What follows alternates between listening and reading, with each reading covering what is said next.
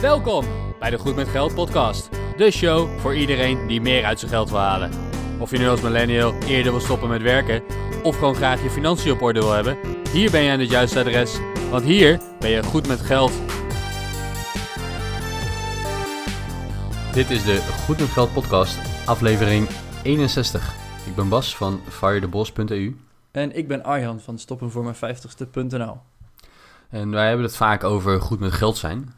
En ik ben recentelijk ondernemer geworden. En als ondernemer zijn geldzaken toch redelijk belangrijk. Daar hebben we het vorige week met Gerard van Groeivoer ook over gehad in deze show. Maar vandaag gaan we iets verder in over ja, hoe mijn eerste maanden als freelancer zijn gegaan. Ja, Bas, want ik, ik wist al iets langer dat jij ging freelancen. En we hebben het best wel veel in deze afleveringen genoemd dat je bent gaan freelancen. Maar ik weet zeker dat al onze luisteraars vol met vragen zitten van de wat, de hoe, de waarom. En ga zo maar verder. Dus daar gaan we vandaag op in. Een maand geleden zijn we ook al diep ingegaan op eh, het onderwerp dat ik ben gaan parttimen. Dus nou, onze levens zijn behoorlijk veranderd in de afgelopen maanden. Dus vandaag gaan we gewoon in op jouw leven. Bas, jij bent gaan freelancen, maar hoe ben je überhaupt op dat idee gekomen? Nou, dat is eigenlijk al, al lang geleden gebeurd. Ik kom een beetje uit een ondernemersfamilie. En toen ik studeerde, zat ik al met mijn pa te fantaseren over van... Nee, wat nou als ik ook een eigen bedrijf heb later? En nou, hoe gaat het dan allemaal? En daar hadden we altijd wel ideeën en gesprekken over en zo. Dus eigenlijk is ondernemen mij een beetje met de paplepel ingegoten. Maar goed, ik ben na mijn studie gewoon eh, in loondienst gegaan. Maar wel met het idee van, ik ga ooit iets voor mezelf doen. Geen idee wat, maar ik ga ooit iets voor mezelf doen. Uh, en ik denk als we, uh, als we nog een paar jaar daarvoor gaan kijken, dat ik eigenlijk al ja, altijd een ondernemer in spe was misschien. Op de middelbare school volgde ik, ik geloof in het eerste of in het tweede jaar, zo'n keuzevak. Hadden van die vrijdagmiddagactiviteiten die je dan een beetje vrij kon kiezen. volgde ik het vak websites bouwen met HTML. En voor de mensen die niet weten wat HTML is, HTML is de programmeertaal waarmee het internet is geprogrammeerd. Alle websites die jij ziet, die zijn in HTML gebouwd. Praktisch alle websites. En, en als 12, 13, misschien 14-jarige jongen was ik daarmee bezig. En ja, heb ik eigenlijk geleerd hoe je met de hand stukjes code schrijft om daar websites mee te maken. En eigenlijk op de middelbare school al ging ik die vaardigheid inzetten om voor ondernemers uit het dorp waar ik vandaan kom een website te bouwen. De lokale timmerman die had gehoord via via dat ik dat wel eens deed. Die had zelf nog geen website en zei, kan je dat niet voor me opzetten? Ik zei, ja tuurlijk, dat is geen probleem. Vind ik leuk om erbij te doen. Ja, wat moet je ervoor hebben dan? Uh, geen idee. Laten we 100 euro doen. En, en je moet onthouden, als 14-jarige is 100 euro veel geld. Daar moest ik uh, nou, best heel veel uren voor vakken vullen in Albert Heijn. Ja, ik wil zeggen, tegen die uh, 3,30 per uur die je in de, in de Albert Heijn zou krijgen... is 100 euro opeens gewoon bijna een fulltime week werken. Ja, precies. En, en laten we stellen dat ik voor die website zeker niet een fulltime week hoefde te werken. Uh, websites zijn tegenwoordig heel fancy en heel geavanceerd. Ik heb geloof ik toen destijds de eerste, nou, tussen haakjes klant die ik had... Volgens mij uh, maakte ik een website met drie pagina's voor hem. En uh, dat was het wel. Dus ik, ik, was met een paar uurtjes klaar. En ik had ineens 100 euro in de hand. En ik denk, hé, hey, dit, is, dit is wel interessant. En ik ben, business. Ja, en ik ben altijd tijdens mijn, mijn schoolcarrière wel bij, uh, bij de supermarkt blijven werken. Ik heb altijd wel een, een tussen haken echt bijbaantje gehad. Maar op die manier ben ik eigenlijk altijd al een beetje ondernemend geweest. Ik ging een, uh, een ondernemer helpen met wat computerproblemen. Dat ding dat deed het niet meer en hij had geen zin om naar iemand anders toe te gaan. En hij kende mij via via en zei, ja, kijk er even naar. Oké, ik kijk er wel even naar. Weet je wel, en op die manier ben ik altijd wel bezig geweest met ja, wat we tegenwoordig misschien wel side noemen. Met van die kleine bijbaantjes waar je dan een klein beetje mee kan bijverdienen. Dus eigenlijk als, uh, ja, als, als, als tiener al een beetje ondernemend gedrag aan het vertonen. Na mijn studie gewoon in loondienst gegaan en op een gegeven moment in de tweede helft vorig jaar na de zomer begon het toch weer een beetje te kriebelen. Ik denk van volgens mij moet ik het gewoon gaan doen. En in oktober heb ik die knoop doorgehakt, mijn werkgever op de hoogte gesteld. En vanaf december ben ik fulltime ondernemer. Ja, het was dus eigenlijk niet de vraag of je zou gaan ondernemen, maar eerder wanneer je zou gaan ondernemen. Hoe lang heb je uiteindelijk in vast dienstverband gewerkt? Ik heb uiteindelijk uh, zes jaar in vast dienstverband gewerkt. Daar moet ik bij zeggen, ik heb altijd als consultant gewerkt in de ICT, in de, in de data-analyse. En, en als consultant ben je eigenlijk wel een beetje ondernemend. Niet altijd, dat is, dat is niet zo zwart-wit. Maar uh, het percentage freelancers in de consultiebranche is een stuk hoger dan, uh, dan in veel andere branches. En dat heeft ermee te maken dat je als consultant vaak van huis bent. Je zit bij de klant, je bent vaak toch op jezelf of op in ieder geval een klein, klein team aangewezen. Je zit niet van 9 tot 5 op kantoor met, uh, ja, met het Jiske vet gevoel van iedereen die altijd maar bij elkaar mee zit te kijken wat er op de boterham ligt. Dus, dus je bent altijd al een beetje ja, op jezelf aangewezen, op de weg, uh, bij klanten bezig, op uurbasis aan het werk. Ehm, dat, dat ondernemende zit er wel een beetje in. En, nogmaals, dat is niet bij alle collega's zo geweest. Maar, maar veel wel. En uh, wat dat betreft is de consultancy misschien wel een goede leerschool om, uh, om uiteindelijk een eigen bedrijf te starten. Zeker als je gewoon consultancy wil blijven doen of iets wat, uh, wat een beetje daar in het verlengde ligt. Hey, en je gaf aan, in oktober heb jij voor jezelf die knoop doorgehakt van oké, ik ga dit gewoon doen, je baas ingelicht en zo verder. Was je vlak daarvoor al met deze gedachten in je achterhoofd, was je al aan het voorbereiden? Of ben je echt pas in oktober de echte voorbereiding gaan starten van uh, wat moet je allemaal regelen en KVK en, en al dat soort dingen? Ja, ik ben een ontzettende nerd wat dat betreft, dus ik ben altijd geïnteresseerd in hoe anderen dat doen. Ik, ik ken zelf een paar freelancers in het vakgebied waar ik in zit, waar ik uh, toen ik nog een loondienst was, ik veel mee samenwerkte, maar, maar daarnaast ook wel eens een biertje ging drinken enzovoorts. Dus ik was altijd wel in gesprek over dat soort dingen, over uh, hoe ga je nou naar de KVK toe, uh, ga je een eenmanszaak of een buffet oprichten, ga je, wat voor boekhoudpakket ga je nemen of ga je het in Excel doen. Uh, als dataconsultant ben ik goed met Excel, dus ik denk misschien kan ik het zelf wel doen. Uiteindelijk heb ik dat niet gedaan, heb ik een boekhoudpakketje gekocht. Uh, met, met dat soort dingen om het ondernemen heen ben ik eigenlijk altijd wel bezig geweest. En, en zeker in de aanloop naar oktober toe natuurlijk uh, op, op standje 300%. Maar ja, het, is met name gebeurd toen ik bij mijn werkgever... Ja, ik, ik, ging wat in gesprek over mijn functie. Ik, ik had wel oren naar een wat hogere functie. In richting, in richting teamlead misschien wel. En daar heb ik met mijn werkgever wel goede gesprekken over gehad. En, en er waren zeker mogelijkheden. Maar toen dacht ik bij mezelf van ja, eigenlijk is dat niet fair. Want dan ga ik nu zo'n traject in om mezelf te ontwikkelen. Misschien wel cursussen te gaan volgen. En ja, de baas gaat er ook weer tijd en effort in steken. Uh, en dan zeg ik volgend jaar of over twee jaar van... hé, ik ga weg, ik ga voor mezelf beginnen. Volgens mij is dat ook niet heel eerlijk. Volgens mij moet ik het gewoon, gewoon nu doen. En, waarom ook niet, hè? want de, de markt is goed. Er is heel veel werk. Ik begon 1 december fulltime voor mezelf. Ik had op 1 december ineens geen werk meer. Um, maar ik had eigenlijk op 1 december... vanaf 1 december zat ik eigenlijk meteen bomvol met werk. Dus wat dat betreft is de markt heel goed. En mijn privésituatie is ook heel goed. Hè? Mijn vriendin en ik wonen samen. Uh, ik heb een koopappartement, dus mijn, mijn maandlasten zijn laag en voorspelbaar. Ik heb geen kinderen waar ik voor hoef te zorgen. Dus ja, weet je, wat dat betreft is, is zowel de markt aan de ene kant goed, hè, er is zat werk. En aan de andere kant is de privésituatie ook zo dat, dat je nu wat risico kan nemen. En nu misschien makkelijker dan over vijf jaar. Dus ja, ik heb toen, toen maar gewoon die knoop doorgehakt. Oké, we gaan twee benen gestrekt erin en uh, in diep springen.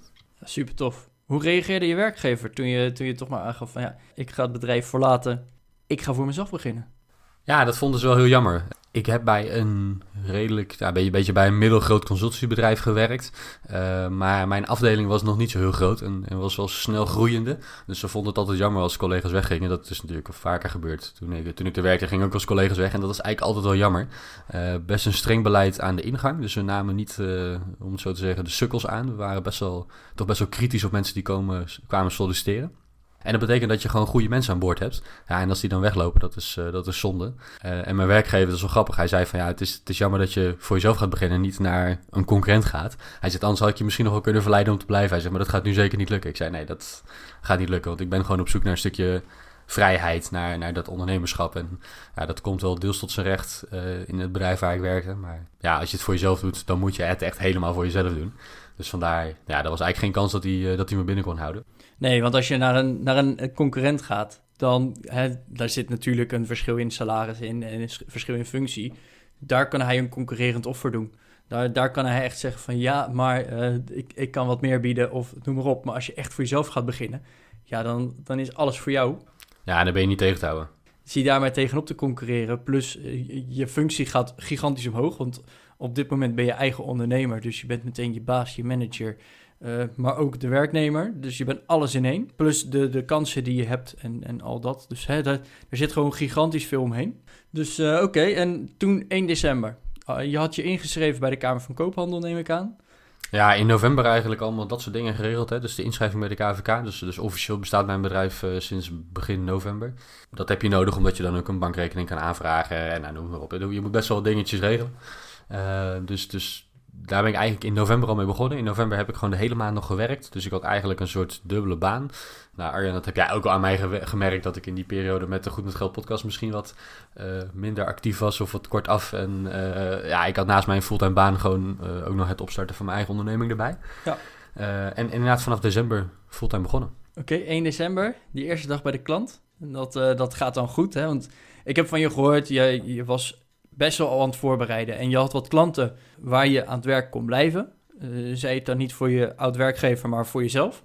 dat ging dus eigenlijk best wel goed. En, en de eerste twee, drie weken was je gewoon constant aan het knallen en, en keihard aan het werk. Wat is je nou meegevallen en wat is je nou tegengevallen in die eerste maand?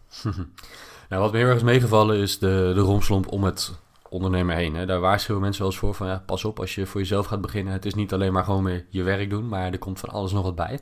Ik vind dat uiteindelijk wel meevallen. Maar dat komt ook omdat ik het altijd wel leuk heb gevonden om dingetjes erbij te doen. De administratie die je moet doen, die wordt ietsje meer dan in loondienst. Maar goed, als consultant moet je al best wel wat administreren, want je moet al je uren schrijven. Dus, dus je bent toch al bezig met het opschrijven wat je aan het doen bent. Dat is eigenlijk natuurlijk in de essentie wat, wat administreren is. Het, het verschil wat er nu bij komt is dat ik mijn btw-aangifte moet doen. Dat ik ook mijn, uh, dat ik een inkoop- en verkoopkant in mijn administratie heb zitten die ik moet uh, verantwoorden, die goed geboekt moet worden. Dus, dus daar ben je iets van tijd mee kwijt. Maar de, de meeste tijd voor mij zit het gewoon in het uren schrijven. Zorgen dat mijn projecten goed geregistreerd worden. Zodat ik mijn uren weer kan factureren aan de klant. Dus dat is me best wel meegevallen. En daarnaast heb je in het, in het aanlooptraject, in het, uh, het, ver, het verkooptraject, om het, om het zo te zeggen, naar de klant heb je natuurlijk dat werk. Um, er is niemand anders die jou op een opdracht zet. Dat moet je zelf doen. Maar goed, ook in loondienst heb ik wel eens met dat soort commerciële activiteiten meegedaan. Dan weet je een beetje wat het inhoudt. Je hebt in je hoofd zitten hoe, een, uh, hoe, hoe die afspraken er ongeveer uit moeten te zien. Dus het opstellen van een contractje is niet zo'n probleem. Dus dat is me allemaal best wel meegevallen. Uh, wat me tegen is gevallen is het vermogen om nee te kunnen zeggen. Want ja, als je voor jezelf bent en, en er is zat werk en je denkt, oké, ik verdien genoeg, ik hoef deze opdracht niet aan te nemen, ik, hoef, ik kan nee zeggen tegen deze klant. Maar als ik te vaak nee zeg tegen een klant, zeker als het iemand is die jij al kent, hè, die in je netwerk zit, ja, op een gegeven moment gaan ze jou niet meer bellen, want dan ben je de gast die altijd nee zegt. Ja, dan komen, dan komen ze gewoon niet meer en dan... Uh, ik kan Bas al bellen, maar de grote kans dat hij toch een nee zegt. Dus ik ga meteen naar uh, Pietje van de overkant. Ja, precies. En um, ja, en, nogmaals, er is genoeg werk, hè, dus ik, ik kan nee zeggen. Maar aan de andere kant, ja, je wil ook niet te vaak nee zeggen. En, en echt bang ben ik er niet voor dat, dat klanten weglopen.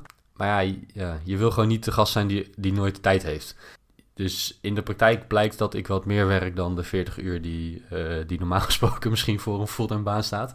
Ik heb voor mezelf gezegd van ik wil maar vier dagen in de week uh, vast inplannen bij klanten. En dan heb ik dan ook van een vijfde dag om wat administratie te doen, wat uitzoekwerk te doen. En deze geweldige podcast op te nemen. Super toffe podcastafleveringen op te nemen. Uh, maar ook zodat als een klant vraagt: hey, kan je even wat extra's doen? Dat ik gewoon een dag de tijd ervoor heb. Nou, in de praktijk gebruik ik die dagen altijd voor dit soort dingen. Uh, ben ik gewoon vijf dagen aan het werk.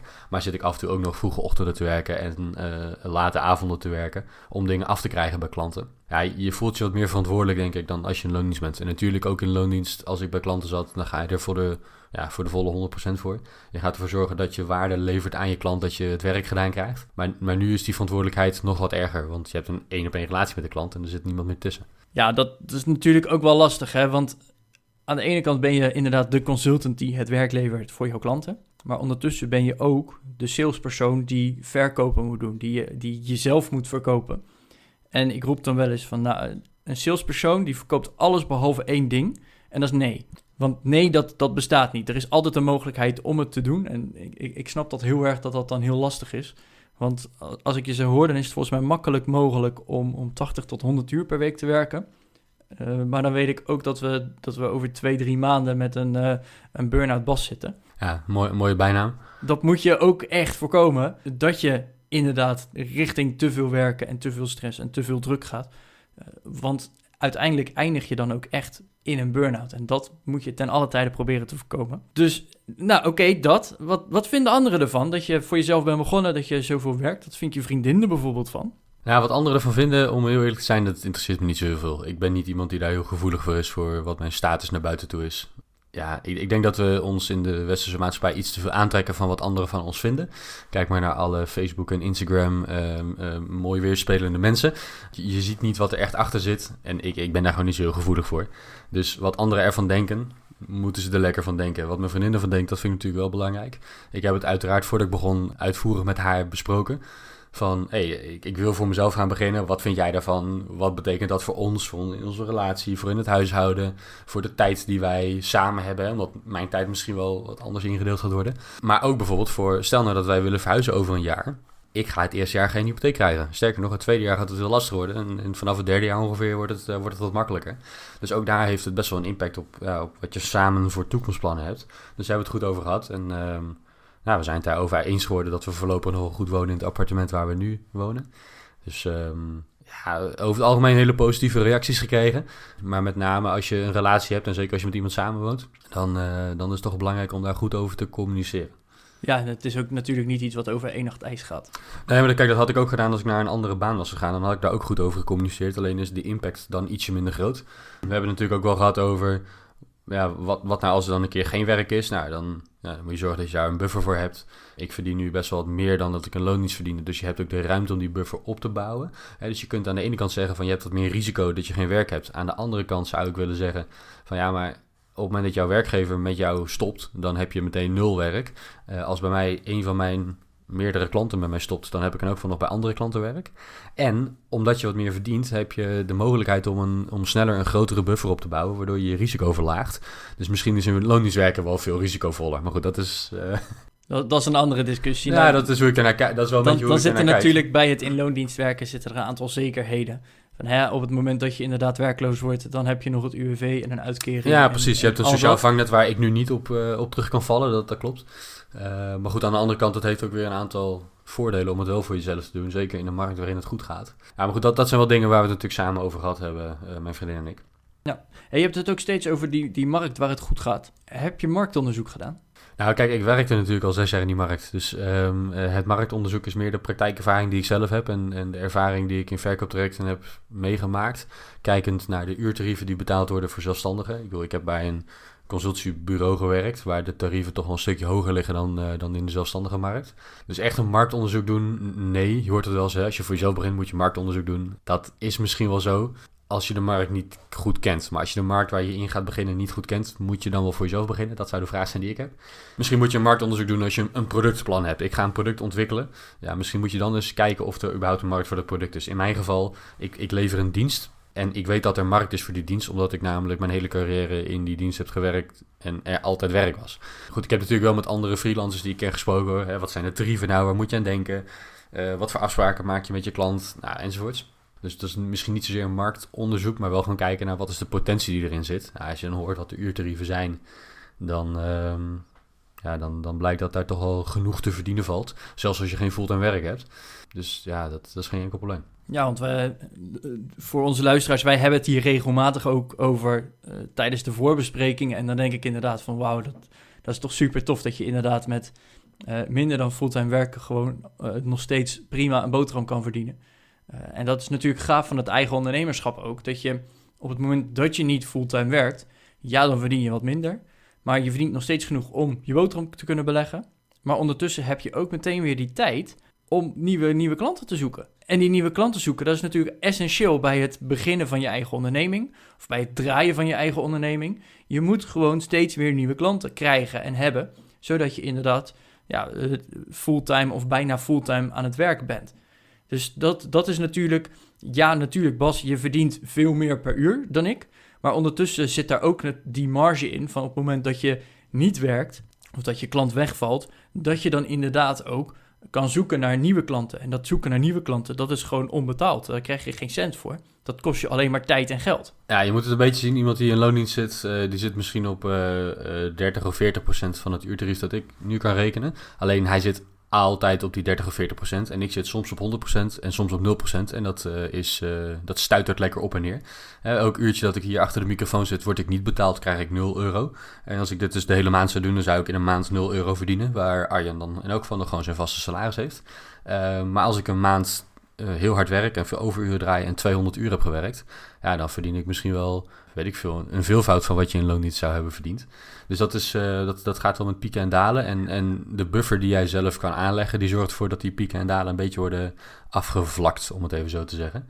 dus in de maanden dat het heel goed gaat, zet ik geld in mijn buffer. In de maanden dat ik geen werk heb, of omdat ik misschien wel drie weken op vakantie wil, dus, dus een heel klein inkomen heb in die maand, kan ik leven van die buffer. Dus, dus dat is wel belangrijk. En daar komt bij, ik, ik wil daar wel bij zeggen, in de Goed met Geld podcast gaat het niet om zoveel mogelijk geld verdienen, maar het gaat om goed met geld zijn. En onderdeel van goed met geld zijn is heel bewust zijn van wat je uitgeeft in een maand.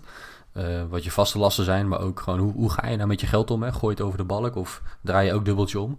Ik zit zelf ergens daartussenin. Ik draai zeker niet ook dubbeltje om. Ik, ik hou wel van een beetje geld uitgeven, maar het moet wel nut hebben. Er moet wel een soort doel achter zitten.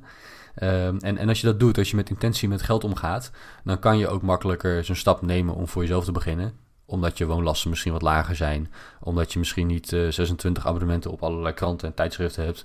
Of omdat je gewoon een behoorlijke buffer hebt, dat je daarop terug kan vallen. Nou, dat is daar een gevolg van natuurlijk. Hè. Dat, dat, omdat je goed met geld omgaat, heb je een buffer, kan je daarop terugvallen. Ehm, ga je voor jezelf beginnen, hou dan ook wel rekening met dat je een aantal maanden zonder inkomen door moet kunnen. Ik had vanaf dag één werk, maar ook dan, ja, hou gewoon rekening met dat je, uh, zelfs als je vanaf het eerste moment werk hebt, dat je gewoon twee maanden lang jezelf geen salaris kunt betalen.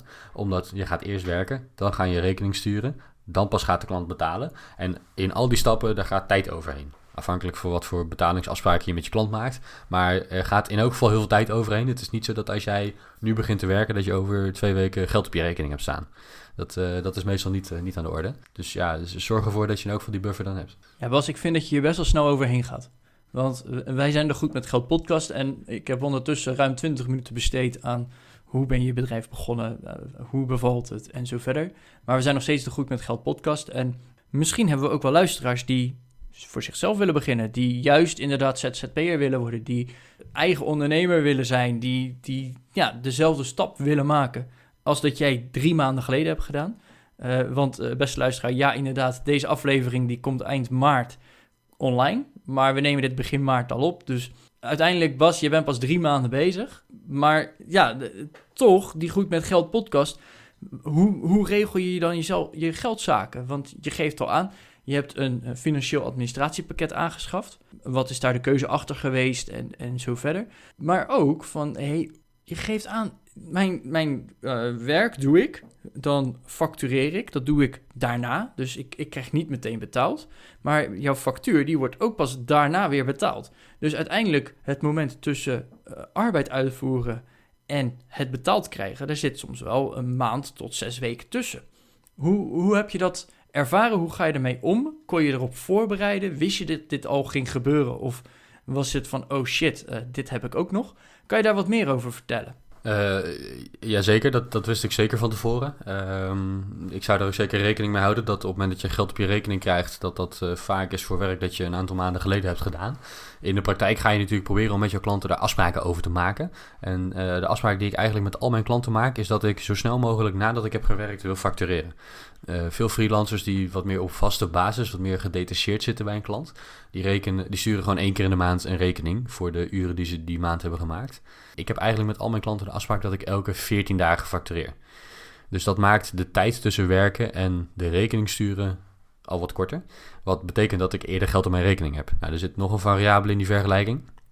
Um, dat is de betalingstermijn.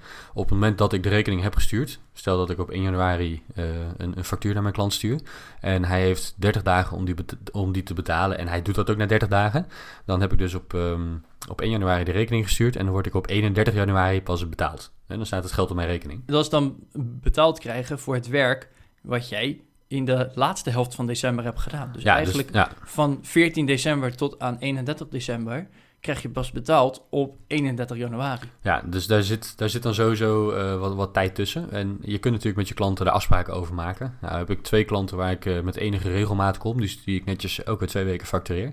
En met allebei heb ik een betalingsafspraak van 30 dagen.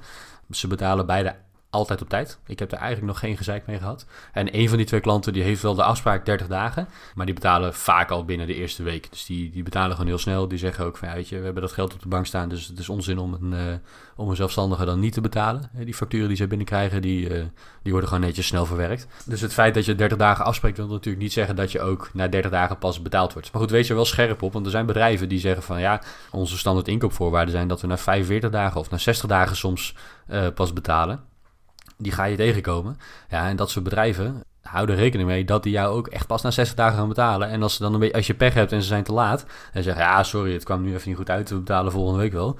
En dan ben je zo meteen uh, 2,5 maand op je geld aan het wachten. Dat zou heel vervelend zijn. Dus, dus daar moet je wel een beetje scherp op zijn. Goed, met mijn vaste klanten afgesproken 14 dagen, of elke 14 dagen een rekening sturen en dan 30 dagen betalingstermijn. Uh, met klanten waar ik ad hoc werk voor doe, daar spreek ik vaak af dat ik uh, direct na de inzet een rekening stuur. Hè, als ik ergens één dag langs ga, dan stuur ik eigenlijk gewoon meteen een rekening ervoor. En dan reken ik vaak met een 14 dagen betalingstermijn. Daar wil ik ook niet over onderhandelen. Dat is gewoon de deal. Dit is het tarief. Ik stuur direct een rekening en hij moet binnen 14 dagen betaald worden. Want het is ad hoc werk. Ik heb dat werk niet nodig. Hè. Ik heb een, nou ja, tussen haakjes vast inkomen van mijn vaste klanten. Ehm, dus als ik iets erbij doe, dan, dan wil ik er gewoon voor zorgen dat het geld ook snel op mijn rekening staat. Niet alleen omdat ik dat geld snel op mijn rekening nodig heb, maar ook omdat ik niet al die administratieve lasten wil van maandenlang maar een rekening open hebben staan. Er naar kijken van, oh, zal die al betaald zijn? Oh shit, hij is niet betaald, maar hij is te laat, dus ik moet een uh, herinneringsmail gaan sturen. Ehm, het maakt het voor jezelf ook gewoon makkelijker. En daarnaast ja, zorg ervoor dat je genoeg cash op je rekening hebt staan. Want dat is denk ik de volgende stap. Ja, maar nog, nog even een stapje terug, want je geeft aan, aan maandenlang een rekening die, heb ik, die open staat. Heb je, heb je daarom misschien ook wel dan dat betalingspakket? Want ik, ik zie nog niet helemaal in. Wij zijn allebei super slim met Excel of op een andere manier onze eigen administratie bijhouden. Daar, daar zijn we veel eerder in een van de podcasts al op ingegaan. Maar ja, waarom heb je dat nu dan niet gedaan? Waarom heb je nu echt een, een administratiepakket aangeschaft? Is dat dan vanwege die rekeningen? Wat, wat is daar dan zoveel makkelijker aan? Nou, ik heb gekeken om het zelf te gaan bouwen in Excel. En, in feite, er zijn maar een paar dingen die ik hoef bij, te houden. Dat zijn de uren die ik werk, het tarief dat erbij hoort. Want dan kan ik namelijk een rekening sturen. Nou, af en toe koop je een keer wat in. Uh, dan heb je een inkoopfactuur. Het verschil ertussen is je winst. Over de winst moet je inkomstenbelasting betalen. Op je factuur staat een beetje BTW, die moet je dan bijhouden. En ja, je wil eigenlijk je, wil je cash kunnen bijhouden. Dus je wil kunnen, kunnen bijhouden dat je dat je een rekening moet gaan betalen op een bepaald moment. En dat jouw rekeningen op een bepaald moment betaald hadden moeten zijn. En dan wil je achteraan gaan bellen als dat niet zo is. Dus ik heb al gekeken om dat in Excel te bouwen. Dat is niet super complex. Aan de andere kant, dat zou mij enkele uren kosten. En het pakket dat ik nu heb kost 100 euro per jaar. Dus ja, weet je, ik ben sowieso meer dan één uur per jaar bezig als ik het zelf zou gaan doen. Dus ja, dan moet je het volgens mij gewoon, gewoon kopen. Uh, je, moet, je moet zeker niet alles zelf blijven doen, want je tijd is ook geld waard. En als je uiteindelijk uh, iets zelf gaat zitten doen en daarmee effectief uh, eh, 5 euro per uur verdient, omdat dat is wat je bespaart, ja, dan ben je volgens mij niet, niet goed bezig. Als dat de tarieven zijn waarvoor je werkt, succes. Ik, ik, zou dat niet zo gauw zien vliegen. Ik verdien gelukkig een beetje meer dan die 5 euro per uur. Dus ja, ik kies er dan voor om iets in te kopen als mij dat zoveel tijd scheelt. En daarbij komt, alles wordt ook voor mij geregeld. Hè. Het, staat ergens in de cloud. Het is zo'n cloudpakketje. Dus als mijn laptop crasht of in de brand vliegt, dan is mijn boekhouding nog steeds. Hè, die blijft gewoon bestaan. Als ik uren schrijf, dan kan ik daarna gewoon op de knop factureren rammen. En dan genereert hij de factuur. Die e-mailt die automatisch aan de klant. Dan staat er ook meteen weer een mooi logootje boven en dan is het gewoon helemaal... Ja, dat is, dat is allemaal goed geregeld. Uh, maar daarbij komt ook op het moment dat je een factuur stuurt, dan wordt de omzet op die factuur wordt netjes op mijn winstverliesrekening onder de omzet geboekt. De BTW op die factuur die wordt netjes op te betalen BTW geboekt. Op het moment dat de tijd daar is, elk kwartaal dat ik BTW aangifte moet doen, dan duw ik op de knop doe BTW aangifte en dan is het geregeld. Hè? Dus ik hoef niet meer zelf bij de Belastingdienst in te loggen en mijn BTW aangifte over te typen. Nee, die zit, er zit een automatische koppeling met mijn boekhoudpakket en de Belastingdienst.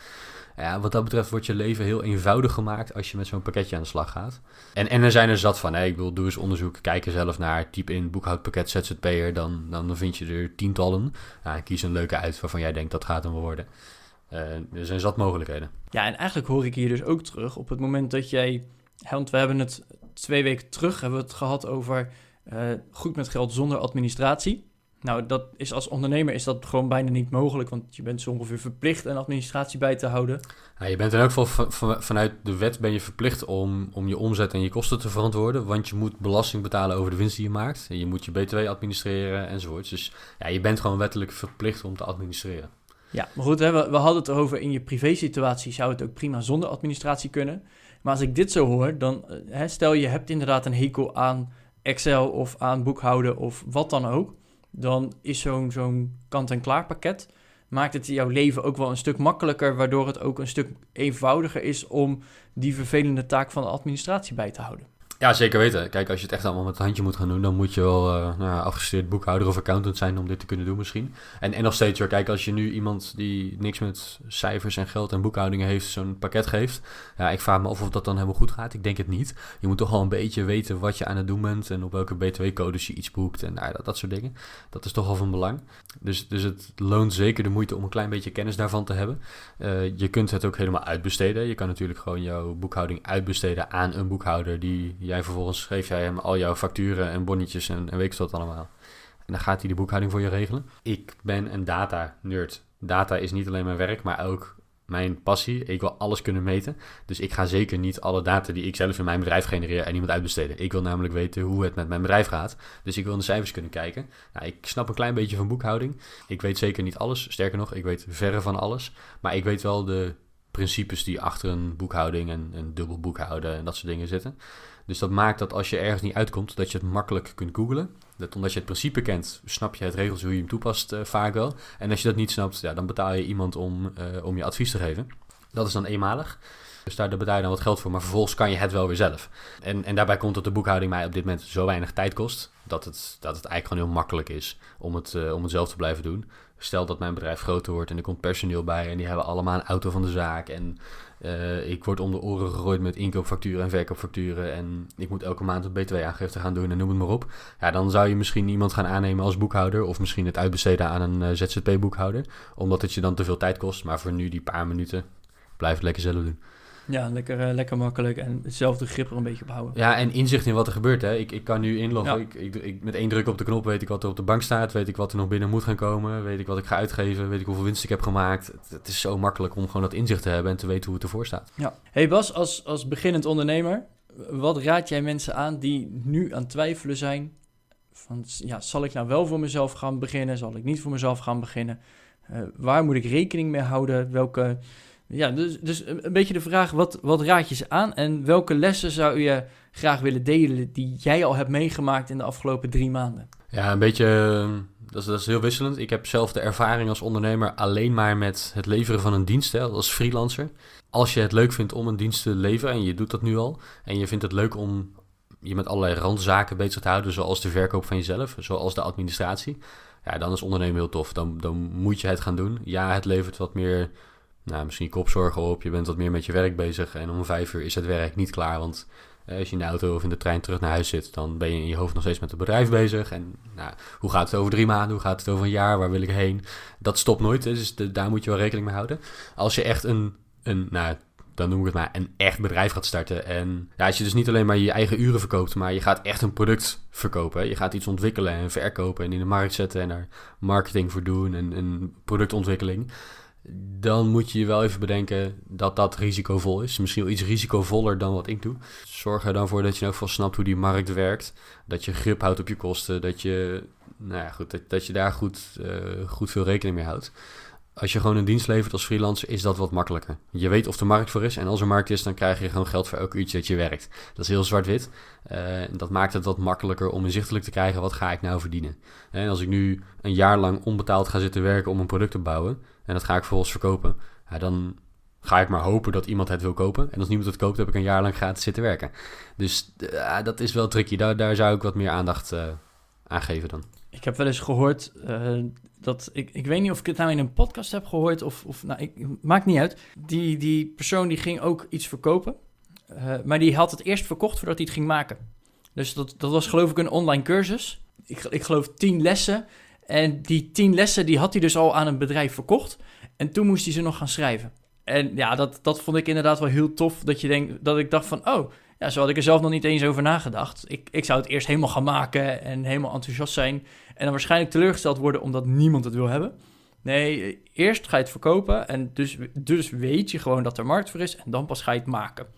Ja, dat is wel grappig. Hè? Ik, ik, ik heb wel eens naar. Ik heb ook wel eens iemand op een podcast gehoord die, die helpt startende ondernemers in, in Engeland dan in dit geval. En die zei ook van ja, stel nou dat jij een super gaaf idee hebt voor een bedrijf. Ik ga telefoonhoesjes uh, maken en verkopen. En je zegt tegen je vrienden: hey, ik ga een bedrijf starten, ik ga telefoonhoesjes uh, maken. Dan zegt iedereen: Oh, super gaaf, moet je doen. Maar dat is helemaal geen eerlijk antwoord. Hè? Ze, ze zijn aardig tegen je. Ze zijn niet kritisch en ze vinden het niet een goed idee. Nee, ze zijn gewoon aardig tegen je. Ze zijn enthousiast voor jou. Ja, en niet over jouw product of over jouw idee. Nee, ze zeggen, oh, je bent een goede vriend van me. Wat leuk dat je dit gaat doen. Dat, dat is iets heel anders dan, oh, wat heb jij een goed idee. De vraag die je eigenlijk zou moeten stellen is...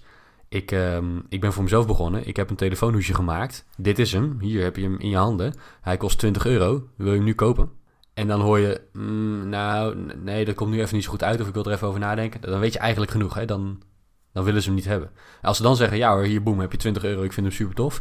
Dan weet je dat er markt voor is. En dus, dus de vraag die je vaak stelt aan je vrienden en familie van, hé, hey, ik ga voor mezelf beginnen. De reactie zal altijd zijn, oh wat leuk. Maar de reactie zal nooit een eerlijke reactie zijn met, oh denk je hier aan? Of ik denk niet dat er markt voor is, of ik zou het nooit kopen. Uh, en, en dat is wel de feedback die je nodig hebt. Uh, wat leuk dat je die, die cursussen noemt. Ik geef zelf af en toe ook trainingen bij mijn klanten.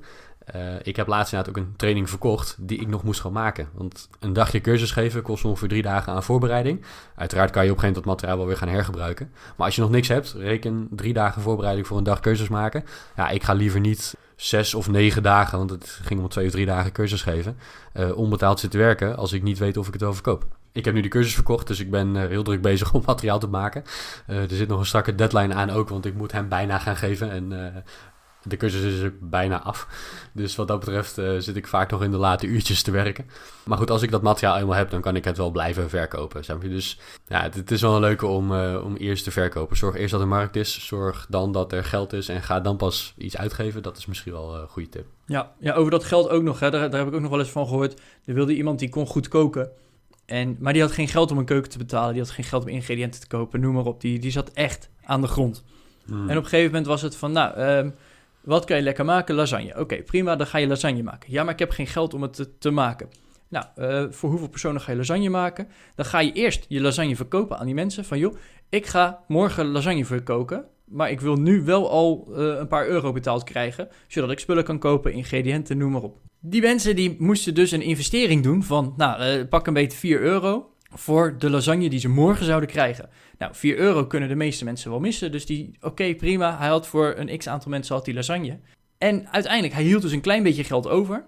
Maar hij verkocht, hij wist meteen dat al zijn lasagne verkocht was. En op die manier had hij dus geen startkapitaal, want hij had niks geleend. Uh, als het inderdaad een keer een paar euro was, nou, dat, dat was het dan. Maar hij, hij wist al dat hij het weer terug ging leveren. Dus, en dat vond ik eigenlijk ook wel een mooie, dat je niet meteen een, ton gaat lenen om een keuken in te richten en om professionele apparatuur te regelen. Nee, hij had een keukentje, of toegang tot een keuken in ieder geval. Hij hoefde alleen nog zijn ingrediënten te kopen en dat had, kreeg hij dus voorgeschoten door zijn uiteindelijke klanten. Ja, dat is heel gaaf als je je klanten kunt laten, als je klanten vooruit kan laten betalen. Ja, dat is, uh, dat is natuurlijk super gaaf, want dan loop je zelf uh, nauwelijks financieel risico. Een, een leuke link die ik zou willen opnemen in de show notes, die we vandaag trouwens vinden op www.goedmetgeldpodcast.nl slash 061, is de Pop-Up Business School van Ellen Donegan uh, uit mijn hoofd.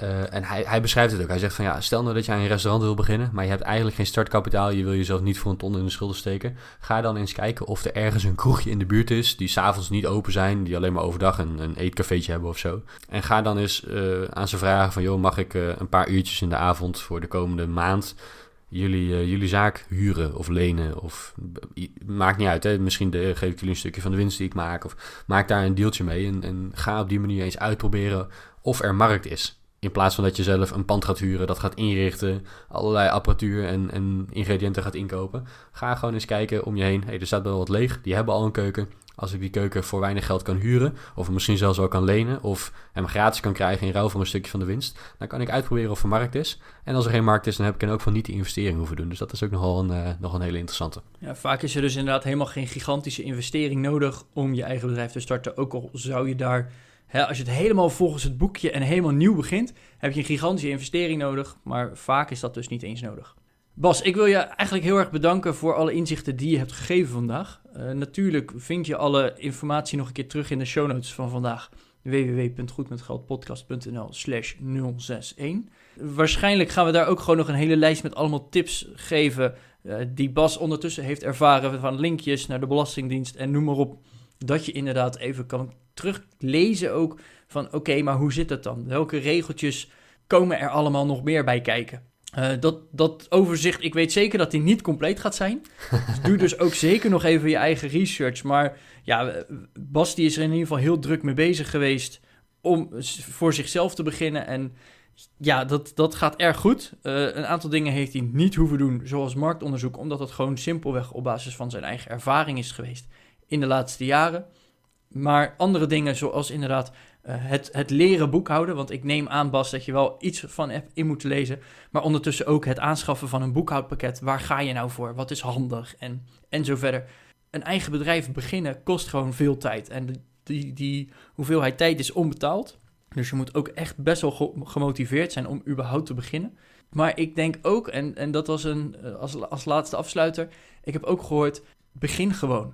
Want ja, tuurlijk, het, het moet super mooi zijn, maar stel je voor, je, bent een website, je, moet, je wil ook een website hebben. En die website die moet dus vooral functioneel zijn. Die moet klanten naar je toe halen. Stel nou dat dat niet de meest fancy website is met de meest moderne technieken, maar gewoon een informatieve website waar je alle informatie terug kan vinden. Dan is dat ook al voldoende. Stel dat je die website dus online kan gooien en dat iedereen al in, in ieder geval de informatie kan krijgen en, en zien, dan kan je op een wat rustiger moment, als het even wat rustiger is of als je even een uurtje over hebt, kan je dan wel aan het, het fancy gebeuren. Maar begin gewoon. Zorg dat het online is. Zorg dat je online bent. Zorg dat je beschikbaar bent. Want uh, je kan het tot in de perfectie helemaal op perfectioneren, mooi maken, noem maar op. Maar uiteindelijk verdien je er helemaal niks mee. Nee, iets perfect doen bestaat niet. Hè? Dus als je iets perfect wil doen, dan doe je het niet. Je moet gewoon beginnen met iets dat niet, uh, niet perfect is. En, en ondernemen hoort daarbij. Of dat hoort bij ondernemen. kijk, kijk maar naar onze podcast. Ik weet zeker, als ik nu de allereerste aflevering terug ga luisteren, dat ik me echt kapot schaam. Ja, dus we raden je ook absoluut, uh, beste luisteraar, niet aan om uh, aflevering 1 en 2 en misschien wel tot en met 20 terug te gaan luisteren. Ofwel, moet je zelf weten. Maar de, de, kwaliteit van de podcast is in de loop der jaren beter geworden. Kijk, als wij hadden gewacht met leren en lezen... of hoe maak je nou een goede podcast... tot, tot het niveau waar we nu zijn... dan waren we nooit begonnen. Dan waren we ook nooit op dit niveau gekomen. En dat geldt voor ondernemen net zo. Dankjewel voor het luisteren. Vond je deze aflevering leuk? Laat dan vooral een reactie achter onder de show notes. Stuur ons een mailtje op gmg.goedmetgeldpodcast.nl of laat een review achter bij de verschillende podcastaanbieders. Dit was de aflevering voor deze week en we zien je volgende week weer terug. Ik ga gauw naar een klant toe. Tot volgende week.